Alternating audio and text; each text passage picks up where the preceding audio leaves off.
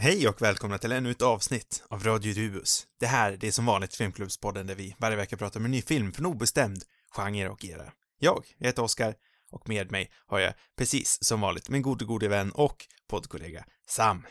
Tjenare. Och eh, den här veckan så ska vi prata om eh, mitt filmval. Och det är ju den numera eh, krönte Oscarskungen Bong Joon-Hos, för, eh, inte första film, men näst första film, Memories of Murder. Den eh, kom ut 2003 eh, i resten av världen. I Sverige, så vitt jag kan se, hade den inte en, eh, ett biorelease utan den kom ut på DVD år 2004. Som vanligt så ska vi prata om filmen i spoiler, fantastisk detalj, så har ni inte sett den innan, passa på och gör det, vet jag. Är det färskare? Jag såg den, jag är relativt färsk skulle jag säga. Jag såg den för fyra timmar sedan kanske. Hur färsk är du? Ungefär ett, lite mindre än ett dygn. Ja, men det är rätt lagom, liksom. Du har hängmörat den lagomt länge ändå, skulle jag säga. Nästan glömt bort den. Oj, nej.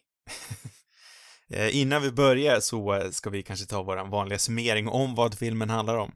Då är det din tur, va? Eller? Precis, det är min tur. Den här filmen eh, är ju egentligen ett eh, mordmysterie som utspelar sig år eh, 1986, vill jag säga. Och eh, det är ju två detektiver i Sydkorea i en, eh, ja vad ska man kalla det för, lands, landsbygdsstad någonstans, landsbygdsby, där eh, det som sagt har skett ett mord som visar sig vara en i ett eh, flertal, en av ett flertal mord. Mm. På kvinnor som eh, har blivit dumpade ute på diverse åkrar, eh, mördade och eh, rätt eh, antastade, om man får säga så. Rätt antastade. Ja. Ja, filmen spenderas till att lösa detta helt enkelt. Säg mig Sam, vad tyckte du om eh, Memories of Murder? Jag gillar det här. Jag är ju svag för, för mysteriefilmer. Gärna med mord inblandat. Ja, men den här filmen liksom lever upp till alla förväntningar och dessutom så har den ju en, eh, en stil eller en, en själ på något sätt som överklassar mångt och mycket inom en ibland ganska uttjatad genre av, av mordmysterier. Eh, Jag, jag håller ju verkligen med dig om eh, det här stilmässiga du pratar om. Jag är ju lite smärre i chock. Eh, jag älskar Bon Joon-Ho, men jag har aldrig sett eh, Memories of Murder faktiskt. Nej. Eh, och det här är ju som sagt hans andra långfilm efter, eh, vad heter den? Man Eats Dog, heter den så? Big Dogs... Nej, det är någonting med... Det är någonting med att de skäller. Eller är... Eller är. Nej. Men... Barking Dogs Never Bite. Ja, Man precis. Eat Dogs, är inte det också en filmtitel? Eller vart har jag fått det ifrån? Det känns som den där danska... Det finns ju en dansk film som heter någonting med hund... Kä- Käkar kanske. hundar, va? Eller? Jag, jag vet inte. Barking Dogs Never Bite heter den i alla fall. Mm. Och eh, den är ju från år 2000 och jag, om, minnes, om minnet vill mig väl så vart inte den sådär tokhyllad.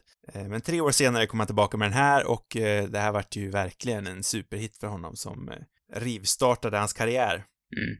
Och jag tycker det är lite spännande här att han började sin karriär jämt på millenniumskiftet och så 20 år senare, precis vid det andra decennieskiftet, så fick han sin Oscar, sin historiska, historiska Oscar. Ja, det, det är en bra timing. Det är snyggt. Det är, Jag tycker, jag tycker det finns någonting lite snyggt i den symmetrin ändå. det är synd att han inte... Att han är född 69. Han skulle ha varit född 70 istället, så hade det varit Ah, fan, där. fan. Det är en brist. Jag är ledsen Ja, att behöva verkligen. berätta det. Eh, nej, men det är ju någonstans rätt så sjukt att han är så stilsäker och distinkt som regissör redan här. Ja. Det är ju någonting med eh, Bong Joon-Hos filmer som är så olikt många, om inte alla andra. Hans filmer är liksom helt för sig. Ja, men precis som jag, jag tror vi var inne rätt mycket på det när vi pratade om, om Parasit. Att han, att han väver, att han är så liksom sömlöst väver ihop eh, olika genrer eh, och genom att kunna göra det eh, och eh, sam, eller fortfarande behålla samma ton på något sätt så, så ger han ju en till dimension av mer klassiska liksom, genrefilmer. Och det, det, det har, jag har ju inte sett The Host till exempel, men det är väl säkert också ett enormt bra exempel på, på en annan genre, men där han väver in det här sociala eller komik till exempel, som, som i den här filmen. Det är verkligen exakt så. The Host är en film jag tänkte vi ska ha pratat om typ sen vi började, men det har aldrig blivit av. Eh, men det är ju också eh, så spännande, för den här filmen, jag tycker inte den är helt, precis som vi säger, rent tonalt så skiftar den ju någon, något otroligt. Den går från att vara otroligt mörk och makaber, nästan till liksom Fincher-aktigt. Den känns inte helt olik eh, Seven, den här filmen, tycker jag. Nej, just det, Seven. Nej, den, annars är väl den i folkmun benämnd som Sydkoreas Zodiac, men Seven är ju, är ju också besläktad med såklart. I mitt huvud så tycker jag faktiskt att den känns mer, nu var det ett tag sedan jag såg Zodiac, men i mitt huvud känns den här mer lik Seven, både stilistiskt och liksom thrillermässigt. Ja, det är nog sant. Den har också ett mer tydligt omakat detektivpar i, mm. i, i centrum, precis som den här har. Så att, sen kommer ju den här precis. dessutom eh, före Zodiac, så att Zodiac-mördaren var före de här riktiga morden som den här filmen bygger på, men, men filmen Zodiac kom ju faktiskt efter den här. Ja, det var 05 va, eller? Ja, jag skulle tro att det är någonstans där. Ja, nej, jag håller med dig. Det känns lite taskigt. Lite taskigt. Eh, men, för det, jag kunde liksom inte låta bli för jag var så otroligt nyfiken för jag hade ju på känn att den här filmen hade rätt låg budget. Mm. Så jag ville ju såklart jämföra hur det var i kontrast med Sevens budget som mm. låg på 30 miljoner dollar då. Mm. Eh, kan du gissa hur många miljoner dollar i budgeten här hade? Oj, gissa budget, det här är inte min starka sida. Jag läste att det var en stor grej att han fick 12 miljoner i budget för The Host, så att jag gissar att den här ligger långt under det kanske sex. Haha. 2,8. Mm. Ja, det är bra. det är rätt lågt om man jämför med Seven som absolut har mycket större skådespelare, större regissör, större allting liksom. 50% av budgeten är Morgan Freeman. ja, precis. Och Brad Pitt. Han var 75%. det går inte ihop. Sak samma. Och jag, jag är bara så oändligt fascinerad över hur hur den här människan, hur det här geniet har gjort en film som känns minst lika säker och minst lika snygg, minst lika liksom bra, om rent ut sagt om man får säga så, som Seven. Med den här miniskyla budgeten. Det är ju 2,8 miljoner dollar är rätt mycket pengar. Du måste men... ha jobbat mycket gratis ändå, känns nästan som. Nej men... Hur menar du? Nej men att, att ha så, alltså det, jag tänker i, i filmväg så är det väl inte så mycket pengar. Då är det väl väldigt Nej. lite ändå. Alltså för du, mig, för du och mig att lägga på en, på en bil 2,8 miljoner dollar, mycket pengar. Mm. Men, det är rätt mycket pengar. men filmväg känns det inte så mycket. I och för sig, det är dollar nej. ändå, så det är ändå, ja, nej men eh, absolut. Det, jag tänker att det är mycket i USA är det så mycket, eh, jag vet inte, kommer till så 50% av budgeten av onödiga assistenter till folk och catering och pappersarbete och här tänker jag att de kanske hade en skål ris Advokater lär det ju vara. Alltså det ja. lär ju vara advokatarvoden. Måste mm. ju vara där liksom. Ja, sen finns det väl en sån här generell tumregel. Det räknas inte med i budgeten, men man ska ju alltid dubblera budgeten för att räkna in marknadsföringen. Mm. Ja. Eh, men som sagt, det räknas ju inte in i de där 30 miljonerna som Seven hade. Eh, men som sagt, det känns helt sjukt att den här är gjort med så lite pengar. Särskilt med tanke på hur många miljöbyten det är i den här och hur mycket regn det är. Jag tänker bara liksom mängden vatten de lät dumpa från, eh, från tankar ovanför huvudena på dem. Bara det lär ju kosta väntade de på regn bara? Ja, så det tror du? en möjlighet. Nej, jag vet inte. Ja, jag tänkte bara, jag satt och kollade på den här ännu mera, jag kan liksom inte sluta kolla på upprepande behind the scenes på 1917. Men där snackar vi väldigt mycket om hur de väntade på att solen skulle gå i moln hela tiden för att de inte hade möjligheten att blocka solljuset. De skulle få här samma tänker jag att... liksom, känsla. Jag tänker att de kanske har kört samma metod här, fast de väntar på regn istället. Regn känns ju lite mer centralt för den här handlingen än vad solsken var för eh, 1917. Nej, men de kunde inte filma Alltså de kunde inte filma när de gjorde 1917 om det var sol, utan de var ju tvungna att vänta så molnigt för att de skulle ha samma ljus hela tiden. Ah, du tänker så såklart. Ja, ja okej okay ja, då. Det var precis så. Det är inte bara att jag tänker. så nej. att det, det, var verkligen centralt för den filmen också, men... Ja, nej men det har du en poäng i. Men ändå, jag, jag, jag ser liksom bara produktionskostnader efter jag läste det här. Mm. Och som sagt, jag får inte ihop det. För Parasit, som du sa, eh, det jag läste var att det var 11,3 miljoner. Eh, Nej, men jag snackade om The Host. Jaha, den skrev jag också upp. Den var 11 miljoner som jag läste, men det Okej. kanske Ja. står olika på lite olika ställen. Ja. Eh, och eh, The Host är ju eh, uppföljaren till den här, eh, om man tänker liksom enskild långfilm. Han gjorde en, någon slags antologifilm med två andra regissörer, om jag förstod det rätt, och en kortfilm efter det här. Men eh, tre år senare, 2006, kom han ut med The Host, och den ökade ju rätt rejält i budget. Mm. Eh, Så han har ju ändå gjort en rätt liksom meteorisk resa, Bong Joon-ho. Det har ju gått rätt snabbt för honom ändå. Ja, ja det, jo, det har det gjort. Eh, Men nu, det var ju först nu han slog igenom riktigt stort internationellt, men jag tänker Snowpiercer, när var det? 2011, typ? mm. Första gången han jobbade med liksom en stor, eh, ja men en riktigt stor Hollywood-produktion som sen blev manglad av eh, gubben Weinstein, men det blir också ett annat avsnitt tänker jag med någon gång, för det känns också som en intressant film att prata om. Ja, den har inte jag sett, men man kan ju tänka sig att det slutar illa om Weinstein får mangla saker. Men han har ju i och för sig manglat saker till nytta säkert också många gånger. Ja, de flesta grejerna han har manglat har nog inte varit till nytta dock, men no några saker har väl... Ja, jag tänker det måste finnas något skäl till hans framgång. Han måste ju ha kunnat manglat. Han kan ju inte vara klappkast bara. Sen kanske inte för ur ett rent konstnärligt perspektiv, men ur ett businessperspektiv så Mm, kanske han ändå har manglat filmer till att bli lite, ja, lite skarpare. Klippa bort kanske. onödig dialog. Eller Ja. någonting. Tajtare filmer. Jag tror, han var ju rätt skarp. Hans kniv var rätt så skarp, om jag förstår det rätt. Han högg.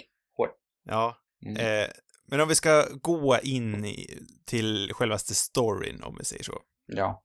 Vad tycker du om det här mysteriet? Eh, som själva mysteriet i sig och, och detaljerna kring det är väl egentligen inte något extraordinärt. Alltså det är ju en, en gripande och, och det är alltid spännande med en, en ofångad mördare på något sätt. Eh, det tycker i alla fall jag. Ehm, men just det är väl kanske inget så här. Alltså det är ju bra gjort. Jag tycker det som är som gör att den här filmen når en helt annan nivå är ju de centrala karaktärerna. Den, de här första två eh, liksom idioterna, eller vad man ska kalla dem. som spelas... eller, Idioter är rätt rättvist. Ja, men huvudrollen som spelas av, av Bong Joon-hos gamle parhäst kan man väl nästan kalla honom. Mm. Kang Ho-song, som var med i Parasit också, och The Host och Snowpiercer, va, tror jag. Ja, det här är första gången de jobbade ihop. Precis. Så att... Eh, nej, men just hans karaktär eh, och när, när väl den, eh, den mer kompetente utredaren kommer in i bilden, vad nu han hette i filmen vet jag inte, men nej, men att just se det här mötet mellan de två eh, var ju spännande och att, att också göra något som med eh, de här två första utredarna som har minst sagt eh, skumma metoder, eller de liksom ska de väljer någon på måfå nästan känns det som och, försöker misshandla dem till att erkänna någonting och placerar, alltså de bryter mot utredarnas alltså alla, ja men lagboken, utredarlagboken trampar de bara på. Um, och ja men så att det nästan blir tramsigt på något vis. Det är där den här mörka humorn kommer in. Att, att han lyckas göra den historien i den här ändå väldigt seriösa filmen, det tycker jag är, är liksom den styrkan. Och sen också se hur de här två karaktärerna, den, eh, ja men Kang Songs eh, dåliga detektiv som, som växer under filmens gång och börjar liksom kanske förstå att så, så här kan man inte riktigt jobba. Och den, den andra detektiven, den skicklige som liksom tappar det mer eller mindre mot slutet. Mm. Det är fascinerande. Ja, det är ju den här klassiska switchen. Jag tänker, om man tänker rent karaktärsmässigt. De byter Mm. ju roll de här två. Mm. Eh, den ena är ju den här högfärdiga liksom eh, storstadspolisen som kommer från Seoul, tror jag. Ja. Eh, till landsbygden för att möta de här eh, hårda, hårda poliserna som gör allt på sitt eget vis. De är så långt ifrån storstadens regelböcker så att de behöver inte följa något sånt. Men också ett, liksom, de har inte jättebra förutsättningar. Det känns inte som att de har liksom rätt teknik, alltså rätt te- de har inte det tekniska med sig. De har ju, och de har liksom inte, men bara, all, när de kommer till alla eh, brottsplatser så är det liksom kaos där. Det, det känns som att det, det finns inga andra poliser där som kan sköta folkmassor eller barn eller reportrar och det där som är på plats utan alla springer hur som helst över brottsplatserna och förstör liksom och Ja, de har ju en rätt stor pressnärvaro i den här lilla byn, eller är det Det är att, journalister från närliggande städer som också kommer in?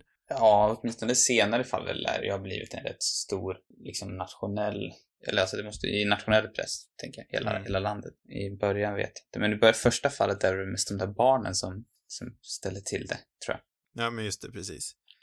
De har inte, de har inte liksom riktigt eh, rätta verktygen heller, ska man väl säga. They're shit put together, som man så fint säger. Ja, precis. Sen, det, det är också något så här, jag vet inte, det, de gör det på ett så snyggt sätt också, tycker jag. Alltså, det, det blir ju också väldigt gripande att de, till en början så, så, man har ju ändå en ambition den här, och han, jag vet inte, vad, vad heter han i rollen egentligen? Vem? Parhästen. Han från storstan. Ja, nej, nej, nej. Kang Nej. Song tänkte jag på. Då menar jag Bong Joon-Hos parhäst. Vad hans karaktär heter? Ja, Detective Park. Detective Park kan vi referera till honom istället. Nej, men han, han har ju ambitionen att vara duktig ändå, till en början i alla fall. Och han har, Mm. det är väl kanske att han inte vet bättre.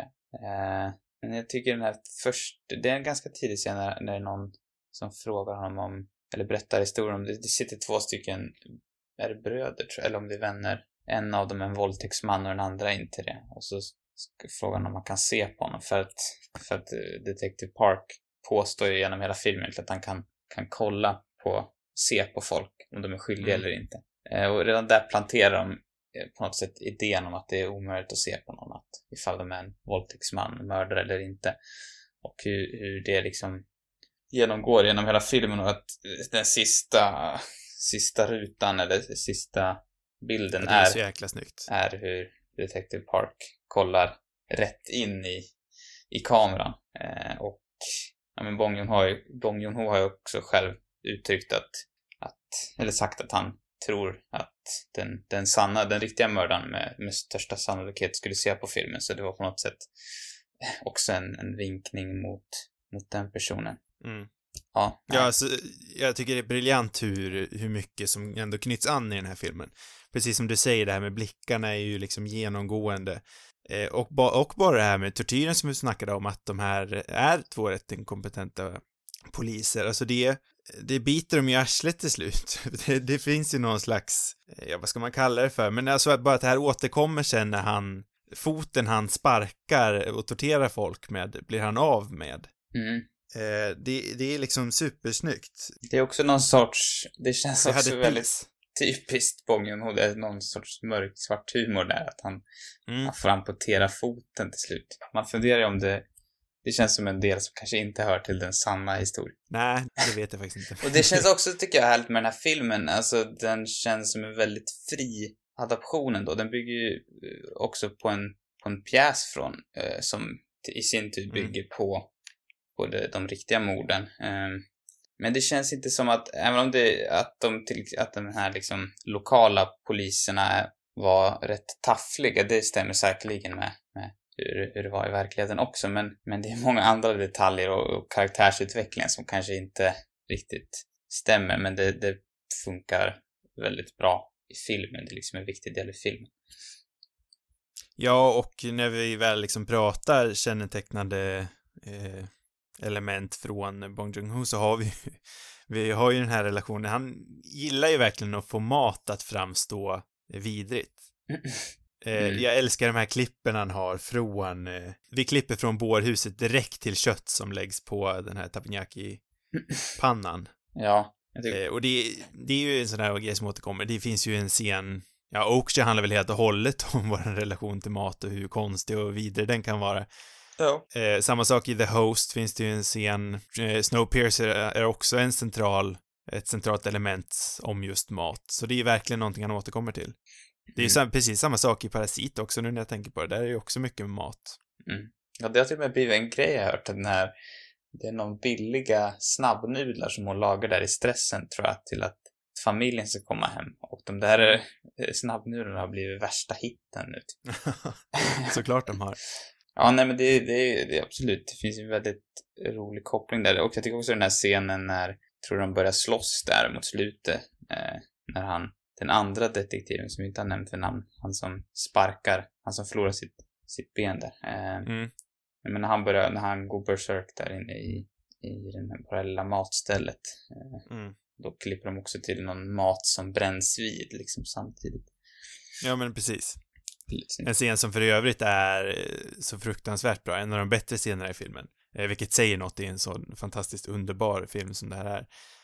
Eh, men när den här första killen de fångar med funktionsnedsättning, som de antar är mördaren i början av ren fördom, antar jag.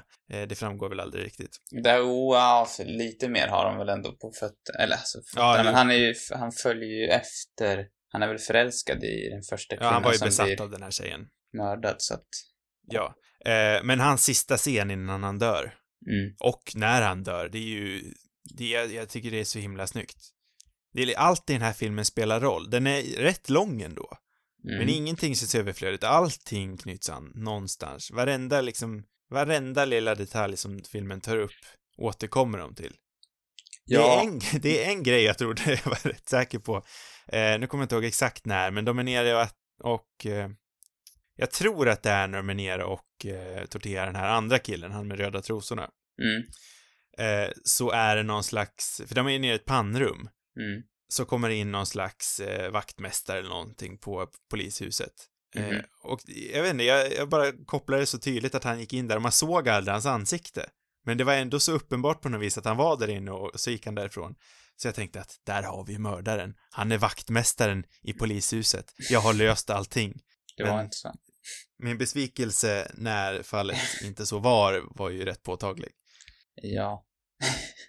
Men allting annat knyter de an rätt snyggt. Ja, verkligen. Alltså det, det som är fascinerande med den här filmen är på något sätt det som jag minst tar med mig är nog själva morden i sig, utan det är allt kring eh, som är nästan mest fascinerande.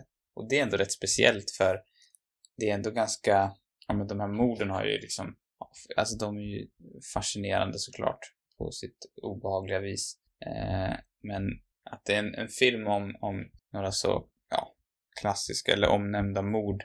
Men ändå så det som man tar med sig är på något vis karaktärerna och, och, Mm. eh, och allt kring dem mer. Eller jag vet inte hur du känner men Ja, jag känner exakt likadant. Men det är ju nog också smart, eh, vi pratar ju rätt länge om budgeten.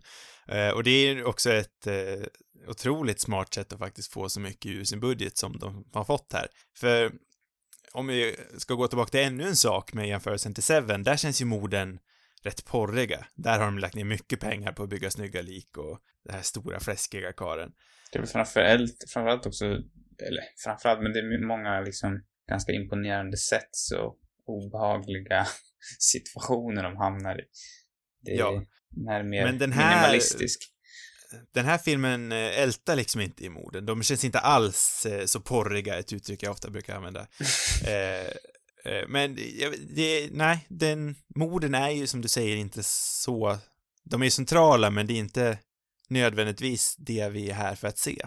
Nej, det är som att filmen inte riktigt handlar om morden ändå, utan det handlar mer om de här två detektiverna. Eh, Mm. och deras utveckling. Och jag Ja, hur också... den här besattheten liksom vänder på de här två, eh, rätt på det här eh, Venn-diagrammet så vänder de här liksom roll.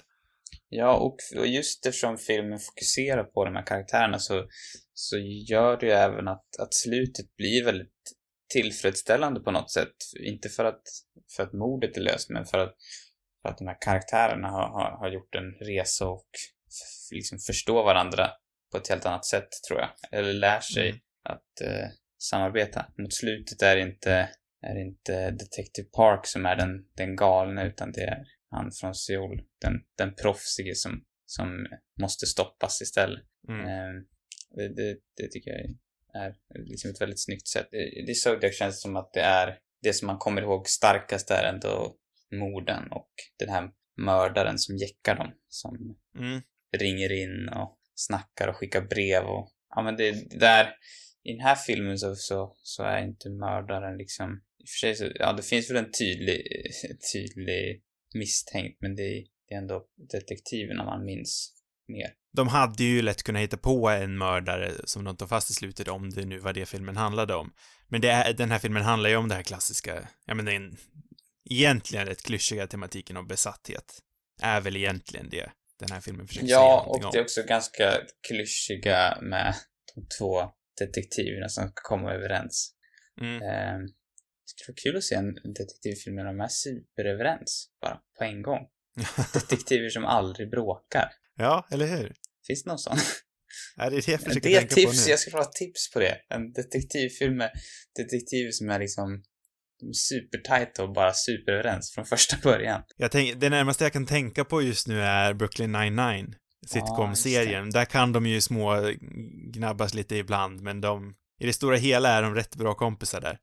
Det känns dock tonmässigt och liksom, det känns inte riktigt som, det är inte riktigt Seven va? Ah, vänta bara tills du ser något avsnitt. Ja.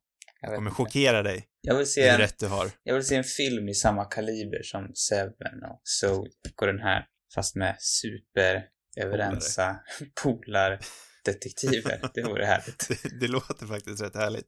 De kanske så här high-fivas hela tiden så här. Eller säger, säger samma saker samtidigt. Det skulle vara härligt. Fan, en miljonidé. Ja, men det kanske finns där ute. Det är bara att jag inte minns eller har sett, sett den än. Ja, det, det, det har du säkert rätt i. Det är någonting som vi Eh, inte har pratat om som jag, som jag tycker är spännande också, som har någon sorts, ja men bara en, en, en, en liten, vad ska man säga, bakom ett sidospår. Eh, det Mm. är ju de här, vad heter, vad kallar de det för, black, alltså när det här larmet går, när de ska släcka ner. Mm, precis. Jag funderade lite över det själv. Ja, det skulle jag ju kolla upp. Ja, jag hade tänkt exakt samma sak. Kan tänka mig dock att det är en liksom- koppling till Nordkorea kanske. Ja, det var det jag tänkte Att jag det är någon Det här är sorts- 86. Hur Ja, var situationen i Nordkorea då? jag tror inte de var så...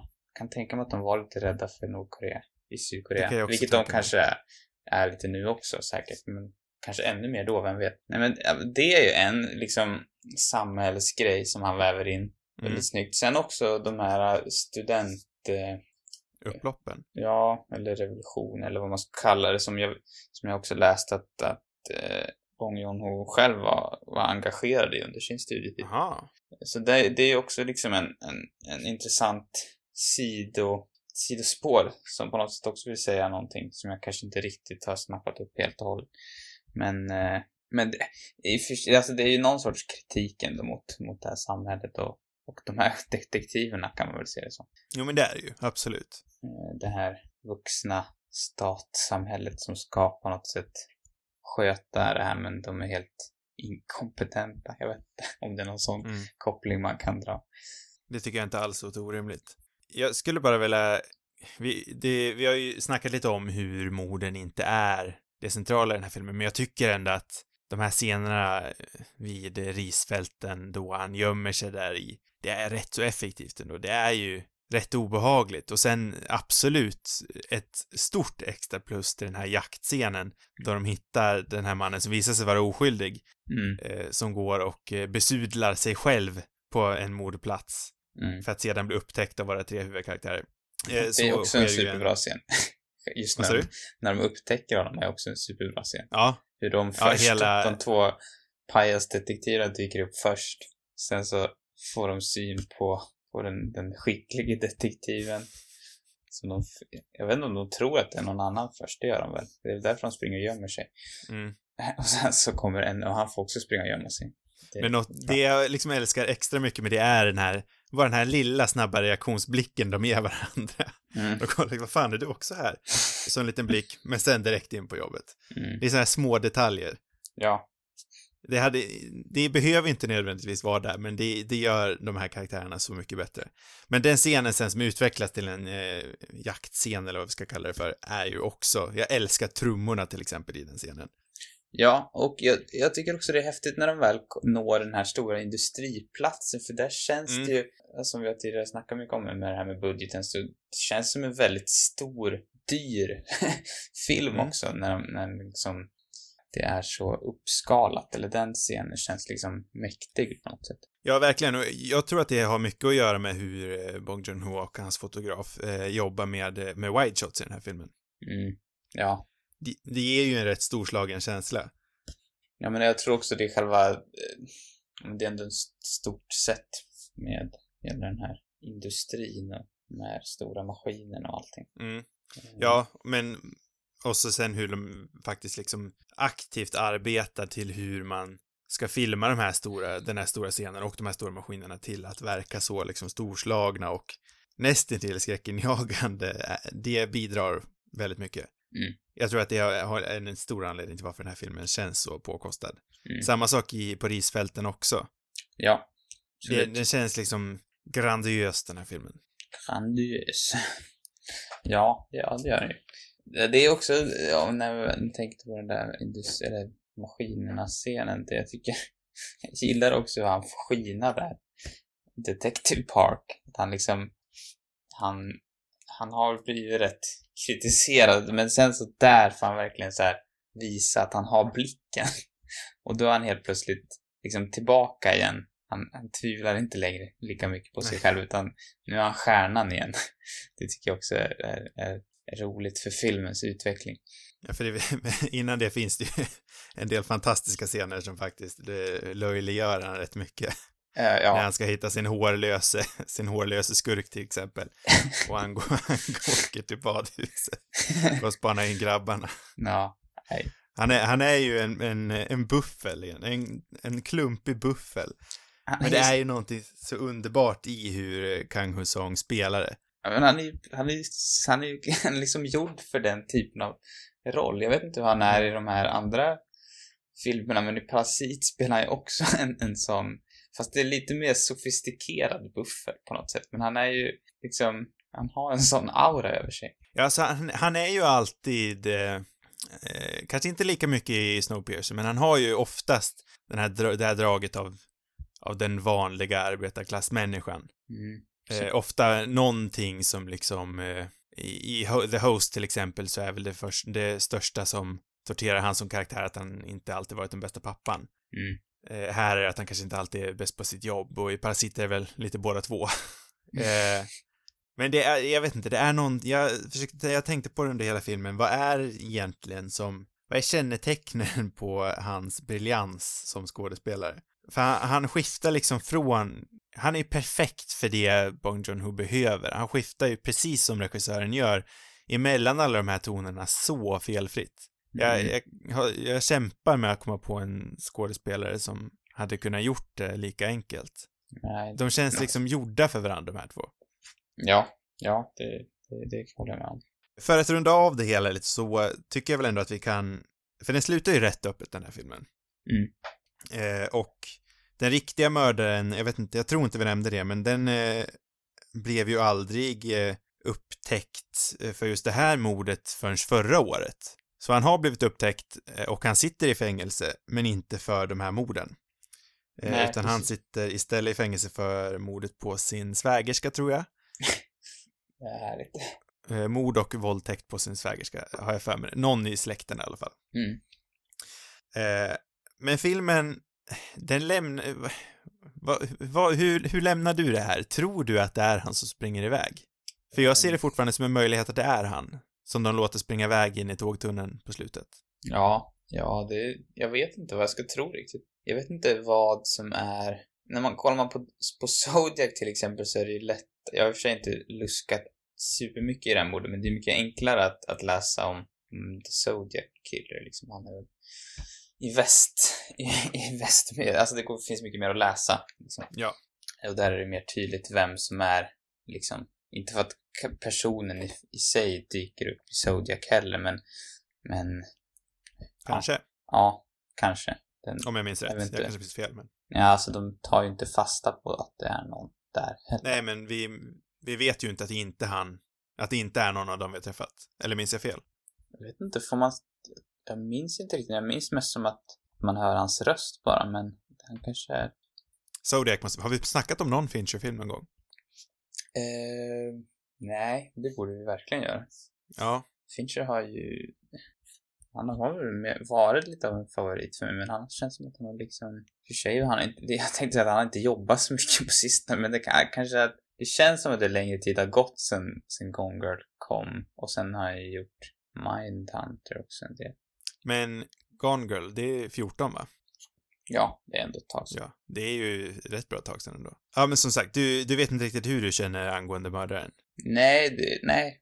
Jag vet inte, men det, Och det- kanske är att jag det- söker efter den sanna, men det, jag, det är väl också det man gillar, att det är liksom oklart. Ja, men precis, för det är ju någonstans briljansen också. Det är ju otroligt obehagligt, för han är ju obehaglig den här de släpper förbi. Mm. Men eh, det tekniska säger ju att han är oskyldig. Vad mer är det som bevisar hans oskyldighet? Det känns som att det är en till uppenbar grej. Men han, han själv säger de ju, han säger ju själv att han har gjort det. Men genom filmens gång, för att anknyta tillbaka igen till det här med tortyren, så har det ju visat att deras tortyr har ju en tendens att ge fram falska svar ur karaktärerna. Mm. Men sen har vi också det här som vi själv fått se, vi ser ju aldrig direkt att det är han som eh, våldtar och mördar den här sista flickan. Mm. Men eh, eftersom vi får se han sticka iväg, sen försvinner han liksom ett längre tag, då antar ju vi som publik, egentligen med all rätt, att det faktiskt är han som gör det här brottet just då. Ja. Men som sagt, briljansen är ju i det att vi inte riktigt vet. Morden slutar ju också efter det här, vilket också kan antyda till att det faktiskt var han. Ja. Men vet du, hur var det i verkligheten? Hur fångade de någon? Alltså, är slutet verk- eh, sanningsenligt? Jag kommer inte ihåg nu riktigt eh, hur det var. Men tror inte riktigt... Nej, det lär de inte. Jag tror, jag för mig att jag läste någonting om att det var någon som hade blivit tagen. Men de kan ju inte ha dömt någon för det liksom. Det är väl det som är själva grejen med fallet. Mm. Ja, nej, jag, jag tycker hur som haver att det är eh, så jäkla bra det här slutet. Och Ja. att de slutar tillbaka där det började på det här fältet med eh, Kang Ho Songs blick in i kameran. Och som du sa, med eh, liksom konnotationen att han stirrar verklighetens mördare in i ögonen och liksom ser att, ja men verkligen ser honom. Mm. Det är ju briljant. Man Mm. hade ju velat veta vad den riktiga mördaren kände när han såg det, om han såg det. Mm, jag hoppas att han såg det. Det är en sån här historia man bara vill veta. Ja, Jag känner att jag, jag, jag måste ha ett svar. om man har sett den. Vad, vad tyckte han? Ja, det är det Hur som är kände sy- alltså, Det går ju säkert om man läser lite mer, hittar mer om, om det här mordet, men det är ju inte som den uppsjö av fakta man kan läsa om, om Zodiac, eller om man kollar på någon annan amerikansk film som bygger på ett, på ett riktigt mordmysterium som aldrig har blivit löst. Eh, inte för att jag har något exempel på det just nu, men, men då finns ju liksom eller ja, mord överhuvudtaget, även om de inte, eller även om de blivit lösta också, så finns det ofta mycket mer att, att läsa efter. Eh, Det kom ju ut här i veckan att den här filmen äntligen kommer få en ny Blu-ray-release. Eller en Blu-ray-release i största allmänhet, jag tror inte den har haft den. Eh, Nej. Och den ska göras av Criterion och det här kommer ju, jag tror fan att det här kommer bli en Criterion jag köper. Jag brukar vara rätt så selektiv när det kommer till Criterions, men den här blir nog tusan ett köp av. Det var, det var väl också fler... Ja, den här och Parasit. Det var ingen, jag fått för mig att det var någon mer också. Nej, kanske Ja, det inte kanske var någon till. Jag tolkar det som den här Parasit i alla fall. Ja, Memories det of Murder kommer garanterat bli en Criterion i alla fall. Den känner ju sugen, så sugen på. Om du, vilka Bong Joon-ho-filmer det du har sett? Eh, Oksha, Parasit och den här. Hur, utav de tre, vart skulle du placera den här? Två kanske? Bakom. Parasit. Känns inte som Parasit där. Ja, men li, han är lite bättre. Jag vet vad, jag, jag håller med dig, jag har också lite svårt. Av de jag har sett så är ju nog Snowpiercer ändå sist. Men jag är ju en sån där också som gärna hade velat sett en, en icke Weinstein-saxad version av Snowpiercer. Det finns ingen sån som det går att... Nej, jag tror inte det i alla fall. Kanske kommer en. Jag älskar ju Okja, jag älskar Parasit, eh, jag älskar The Host otroligt mycket. Men jag, jag håller nästan med dig, jag tror fan också att Parasit är min favorit av hans filmer. Med, med all, alla de andra som en jämn tvåa. Ja, men den, Parasit är så otroligt kompetent ändå. Det, det är liksom, även om den här, men den har, den har en, en nivå till tycker jag på något sätt. Den lyckas, eh, den lyckas maxa, alltså komiken är roligare i den, eller vassare. Spänningen är vassare. Jag, jag tycker, och, och också det rent budskapet den filmen vill säga också. Ja, den, Det, mä- det Lyckas märks ju liksom. att Parasit är 20 år senare. På Ja. den bästa visen liksom. Det är, det är samma filmskapare, men han är så mycket mer raffinerad och finslipad och ja men precis, det är hans styrkor dragna till sin spets på något sätt. Ja, det, han är briljant. Det är liksom, han är ju het på tapeten just nu, men det, det går inte att säga för mycket. Han är briljant. Eh, nästa vecka, då är det ju din tur att välja film, Sam. Har du gjort det? Eh, till nästa vecka blir det till slut, eller äntligen, dags för David Lynch film Blue Velvet som jag har tänkt under en mycket lång tid att jag skulle vilja se. Och det är nästan, det är lite mer än ett år sedan vi snackade om Wild at Heart, så det känns ju rätt passande också att återigen få en chans att tjata på dig att se Twin Peaks kanske. det här är, jag gör ett nytt försök ett år senare. Ja, jag vart ju ändå rätt frälst i, i Lynch förra året. Det är väl mm. ja, ett år och en månad sedan nu ungefär vi såg på Wild at Heart. Så det, jag tycker det, det är väl inte mer än rätt. Och har jag inte kollat på Twin Peaks till nästa år, men då väljer du nästa Lynch-film. Ja, jag, jag tror jag kommer kunna hitta en bra Lynch-film varje år, ganska många år framöver. Eh, Blue Velvet, eh, den eh, tror jag finns att se på de flesta hyrställena. Den finns garanterat att se på Apple TV, eller ja, oh, Apple TV heter det nu för tiden. Yes. Eh, fler avsnitt, de hittar ni på cinemarubus.com. Där hittar ni även arkiverade avsnitt. Nyare avsnitt, de hittar ni på Spotify, iTunes, eller Apple Podcasts heter det. Tänk att jag glömmer det varenda vecka. Och andra ställen där poddar finns. Har ni frågor och vill ha svar så skickar ni in dem till cinemarubus.gmail.com. Sociala medier, det har vi såklart också. Där heter vi cinemarubus på Instagram och Twitter. God natt allihopa, vi hörs igen nästa vecka. God natt.